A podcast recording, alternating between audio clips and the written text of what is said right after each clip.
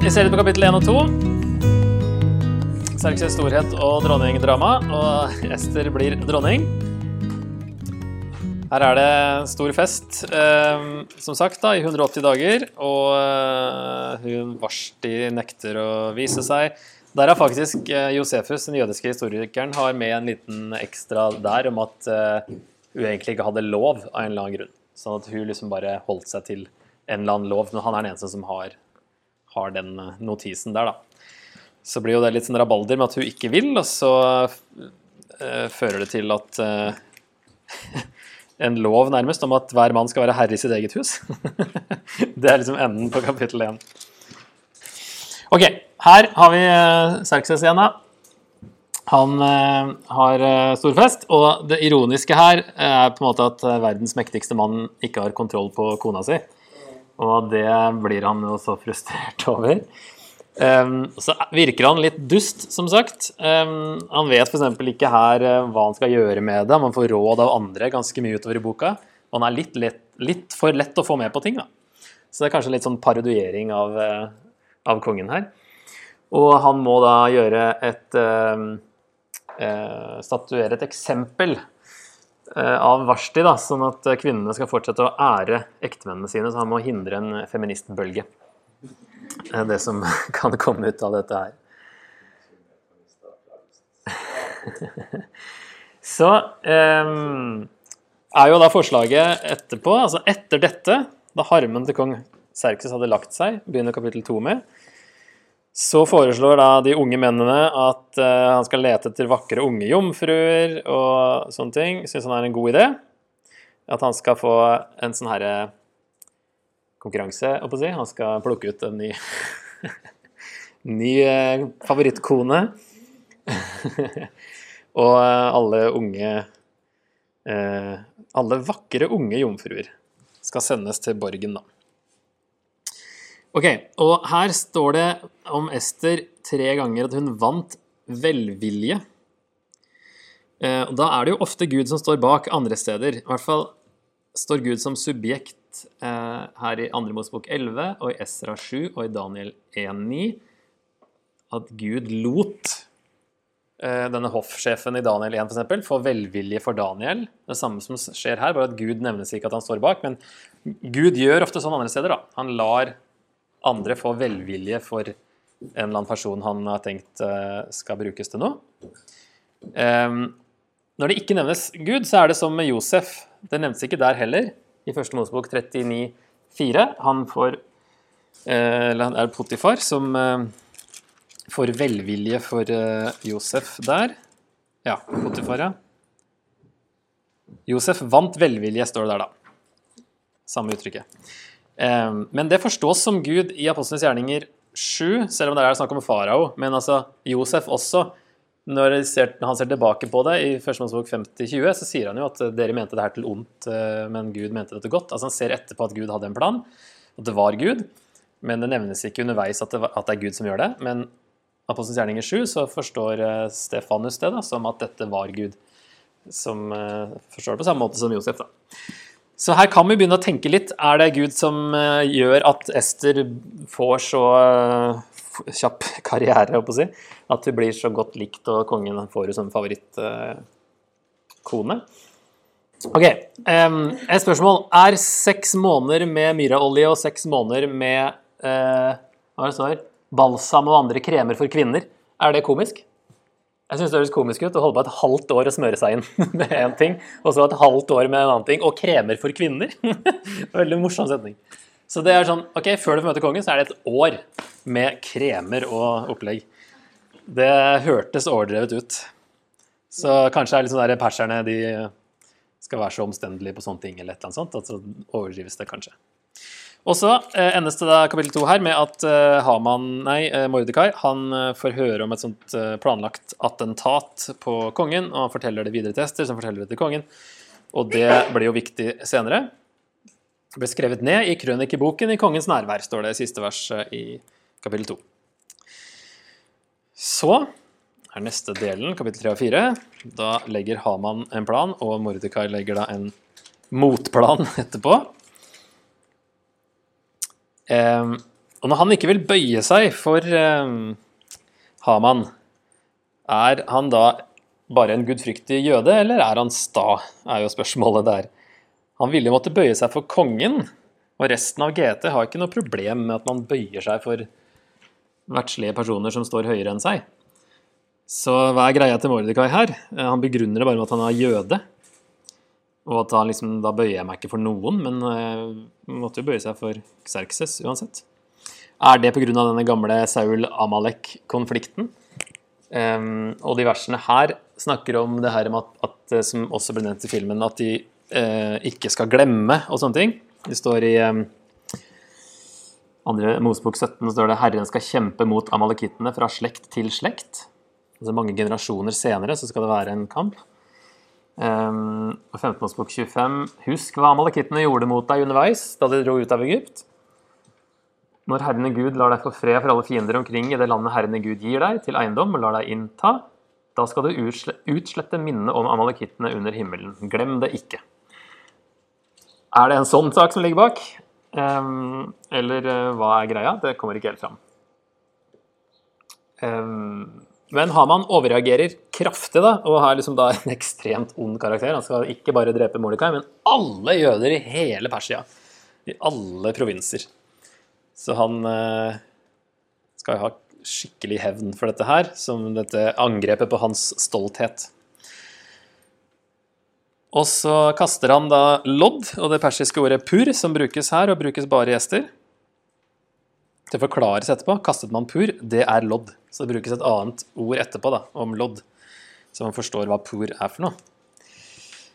Eh, og hvilken eh, dag eh, dette angrepet på alle jødene i hele riket skal skje. 10 000 talenter sølv er også latterlig mye. Tenker han da at han skal ta det fra jødene, som sagt? Eller er det også en overdrivelse? Ok, og så Mordekai får eh, vite om alt som hadde skjedd, står det i kapittel 4. Han flerret klærne sine, kledde seg i sekk og aske, så gikk han ut i byen og ropte og klaget høyt og bittert. Så selv i den forbindelsen her, med sånne sørgeting, flerring av klær og faste og sekk og aske og klaging, så nevnes ikke Gud her heller. Men det er jo etter alt å dømme Gud det retter fokuset mot her, da, og klager til, og sørger for han. Men eh, her burde vi kanskje forvente at Gud nevnes, men her, det er som han med vilje unngår å nevne Gud, da. Man må spekulere litt på hvorfor.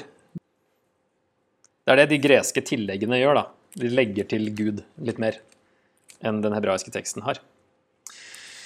Og så er Ester først redd for å dø, selv om alle jøder vil kunne bli drept. Hun sier jo 'jeg kan ikke gå til kongen uten at han har uh, spurt meg'. Da er det bare én lov som gjelder. Døden, står det i 4.11. Og så sier Mordecai at uh, vers 13 Tro bare ikke at du som den eneste av jødene skal berge livet fordi du er i kongens slott. For om du tier i denne tiden, vil hjelp og redning komme til jødene fra et annet sted, mens du og ditt farshus vil gå til grunne, og hvem vet om det ikke er for en tid som denne at du har fått dronningrang. Så han er sikker på at de vil bli redda på en eller annen måte. Og så sier han her at eh, altså redning kommer fra et eller annet sted, men kanskje det er gjennom deg nå. Hvem vet? Er det derfor du har blitt dronning, kanskje? Og det verset her er jo da et veldig viktig vers. Skal vi kalle det et nøkkelvers for uh, denne boka? um, han vet de blir redda på en eller annen måte. Kanskje er det gjennom mester. Ok, men det her overbeviser Ester, da. Og hun er villig til å risikere livet for å, altså, å gå og snakke med kongen selv om det ikke er etter loven, sier hun. Skal jeg gå til grunne, så går jeg til grunne. Og hun faster også, da. Så hun, eh, her skjer det et eller annet med Ester også. Først bare nei, jeg kan ikke det, jeg kommer til å dø. Til å liksom ok, om jeg dør, so be it. Eh, jeg må gjøre det jeg kan. Så er det kapittel fem, Esters første fest. Og Haman setter opp pålen for Mordekai.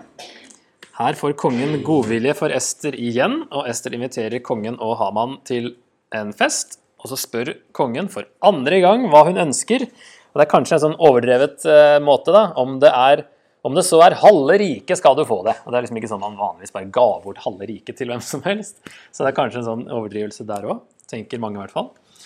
Og så inviterer hun begge to til en fest neste dag, i stedet for å si det med en gang. Dette med Haman og sånt. Bare 'Jeg kom på en fest til i morgen'. Begge dere samme personene. En gang til. Det er liksom det hun spør om da. Hvorfor eh, spør hun eh, bare om en ny fest, og kommer liksom aldri til poenget? Er det for å øke spenningen? For oss som leser? Eller, eller har hun en plan? Det gjør det i hvert fall mer sannsynlig at kongen vil gjøre det hun ber om, siden han nå har spurt to ganger. Altså ja, hvis han fest i morgen, og så kan du spørre en gang til. Da skal du få høre det, liksom.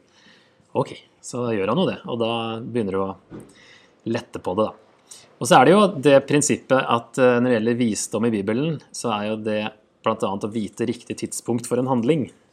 Som forkynneren snakker om alle tider og en tid for ditt og en tid for datt. ikke sant? Så er det nå Det var ikke riktig tidspunkt. Hun drøyer det. Overrasker oss på en måte to ganger med å ikke si det. Eh, og så ender kapittelet med at både Ester og Haman har en plan de tenker å fortelle kongen neste dag. Så har jo, der har vi liksom nådd eh, krisetoppunktet. At uh, Haman har tenkt å gå og få Mordekai henretta, og rekker Ester i tide å røpe Hamans planer. Så hva skjer neste dag, er liksom greia her, da. Ok, Så kommer vendepunktet, kapittel 6, der Mordekai blir æret istedenfor drept. Og da snus det. Er det tilfeldig eller gudfeldig at kongen akkurat den kvelden ikke får sove, som 6.1 sier? Og Der har da den greske teksten Septuaginta skrevet at Herren tok søvnen bort fra kongen den natten. Så der har de i hvert fall forklart at det var Gud som gjorde det. Men i hvert fall så kan vi tolke det som at de tolker det som at um, det var Gud som gjorde det, og det tenker jeg vi nå kan gjøre uansett. Uten det greske tillegget. At uh, nå er Gud gjør et eller annet her. Nå, det, nå er det krise, og så får ikke han sove. Og så begynner han å lese i denne krønikene, og så Oi, Mordekai, ja. Han glemte vi å ære. Ikke sant? Altså, Det hadde vært litt tydeligere hvis det hadde stått 'Den natten ble søvnen tatt vekk fra kongen'. Sånne har vi mange av i Bibelen. Sånne passive omskrivinger, som det heter. At eh, noe Det ble gjort Det står i passiv, men det står ikke hvem som gjorde det. Men da er det ofte Gud. Men her er det liksom bare han fikk ikke sove. Det er enda litt mer på sånn vanlig nivå, da. Ok, Og så kommer Haman inn, og han har tenkt liksom til å komme med planen sin. Og så er det liksom sekunder unna at han eh, skal få gjennomslag for det, tenker vi. Og så i stedet så overraskes han med spørsmål fra kongen. Han får ikke kommet med ønske om å få Mordekai henretta. Og så er det hans store stolthet som gjør situasjonen komisk, da, når kongen spør hva kan en gjøre for en mann som kongen ønsker å hedre? Hvem andre enn meg skulle kongen ønske å hedre? Og så er det da Mordekai som han sjøl må leie gjennom byen og rope ut sånn eh, skal eh, Slik Hvor står det? Slik gjør en med den som kongen ønsker å hedre. Det må han sjøl gjøre. Og så er det kommer han hjem og er helt i sorg og med tildekket hode. Syns at det er grusomt. Um, og nå har jo liksom the tables uh, turned. Nå er det kona til Haman og vennene de som kvelden før foreslo henrettelsen av jøden Mordekai, sier nå at Haman ikke kan vinne fordi Mordekai er jøde. Så nå har det skjedd et eller annet. Nå sier, Å, er han jøde? Nei, da nytter det ikke. Men kvelden før så vet de at han er jøde, og likevel sier ja, sett opp en påle, da vel. Og så sier det da, så kommer du ingen vei med ham. Han kommer til å bli ditt fall. Mens de ennå snakket med ham, kom, kom kongens evenukker. De førte straks Haman til festen som Ester holdt til det. Når han hentes liksom den festen i samme stund som de sier at uh, han kommer til å bli ditt fall, så knyttes det på en måte sammen til at nå kommer det fallet i forbindelse med denne festen som han blir henta til. Det er jo som å se en film, egentlig. Det er veldig type, mange sånne klassiske knep og grep som brukes i film som eh, for 2500 eh, år siden også ble brukt her, da. Ok, Kapittel 7. Esters andre fest, og Haman henges i sin egen påle. Så eh, bygger jo Ester opp spenninga ved å ikke nevne Haman før kongen er blitt sjokkert. Eh, sier først at jeg og mitt folk er blitt solgt til utryddelse, drap og undergang. Om vi bare var blitt solgt som slaver og slavekvinner, ville jeg ha tiet, for en slik ulykke hadde ikke vært noe å bry kongen med. Hvem er han? Hvor er han som har fylt hjertet fylt av slike planer. Så hun ennå venter litt med å røpe at det er Haman. da. Og så eh, går jo kongen ut, og Haman mener at nå har kongen tenkt å gjøre ondt mot ham, og så kommer han tilbake, og så ser det ut som at han prøver å forgripe seg på Ester. Det blir liksom bare enda mer. Eh, og så er jo dråpen at eh, Haman har satt opp en påle for Mordekai, han som en gang reddet kongen, som det står her, som han Harbona nevner. Og det er som Hæ, skal han drepe en som har redda meg? ikke sant? Så bare blir det snudd eh, totalt. Så eh, har jeg slått sammen de tre siste. Åtte, ni og ti. Eh, jødene forsvarer seg selv og reddes, og denne purimfesten, da. Um, mer reversering her. Mordekai får ringen til kongen og huset til Haman. Og det er helt tilbake til uh, kapittel tre, der Haman får ringen til kongen. Så er det da denne store kiasmen som vi så på. Selv om Haman er død, er ikke faren over, men så kan ikke det skrivet kalles tilbake, så i stedet lages et nytt skriv. Og der er det også parallell mellom 8 vers 9 og 10 og 3 vers 12. Mye likt der, men når de skriver og sender ut. Så nå kommer det et parallellskriv bare som sier at jødene kan forsvare seg. Og det er viktig å få med seg her, for det er et spørsmål jeg har fått mange ganger av folk som leser Ester. Hva er det som skjer? Hvorfor er jødene så brutale her? Hvorfor er Ester så brutal? Men det gjentas mange nok ganger til at vi bør få det med oss at det er selvforsvar. De skal få lov til å stå sammen og forsvare sitt eget liv to ganger. De kunne drepe enhver væpnet styrke som angrep dem, står det. Alle som hatet dem, tre ganger. Alle som vil dem vondt, står det en gang. Så det her er alle, når de blir angrepet, så har de lov til å forsvare seg. Det er ikke at de skal dra ut og drepe masse folk, og de har fått lov til å drepe hvem som helst. Det er selvforsvar. Så det hadde jeg lyst til å understreke, for det er overraskende mange som har lurt på det. Um, og så står det tre ganger at de la ikke hånd på byttet. Hva betyr det? Det er, det Gamle testamentet, ja. Det er tidligere i GT. Når er det de ikke skulle legge hånd på byttet? Mm. Blant annet i de krigene i Josva, ja. Og hva betyr det? Ja, sant? Det her er Guds krig og ikke deres egen. De skulle ikke tjene på det. Eh, tre ganger så nevnes det der i kapittel 9. Nå gjør de jo, det står ikke at de gjør noe med byttet heller her, da, sånn som i Josva at de brenner det og sånne ting. Eller legger det inn i Herrens tempel. Men her er det at de ikke skulle få noe ut av det. De skulle bare forsvare seg sjøl. De skulle ikke ta eh, noe fra de som de da forsvarte seg sjøl mot. Ja, Men nå, nå, vet de jo hvilken dag det skal skje på, er vel kanskje poenget, da. Jeg tror vi kan vel sette det i samme forbindelse med krigene ellers i GTA. At det er en dom som skjer. Det er kanskje ikke like tydelig her, nei. Men at de hater Guds folk, eh, er på en måte en extension av å hate Gud. Ok, hvor er Jesus i denne boka? Hvis, hvis Gud ikke nevnes. Hvor er Jesus? Hvis alt handler om Jesus? Det jødiske folk består. Ja, sant?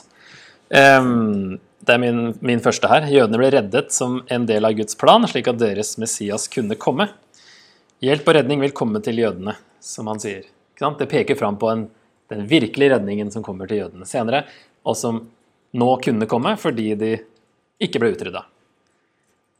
Så det Hvis Haman hadde klart å ha hatt uh, suksess med planen sin, noe han ikke kunne fordi Gud er Gud, men hvis, så ville jo ikke Jesus ha kommet. Sant? Mm. Jesus ga oss et forbilde på ydmykhet som er det stikk motsatte av Hamans stolthet. ikke vær som Haman. Jesus var helt motsatt. En negativ, invertert pil mot Jesus. Eh, en litt eh, som går på strukturen av boka. I strukturen er en twist. Hva er den største twisten? som har skjedd.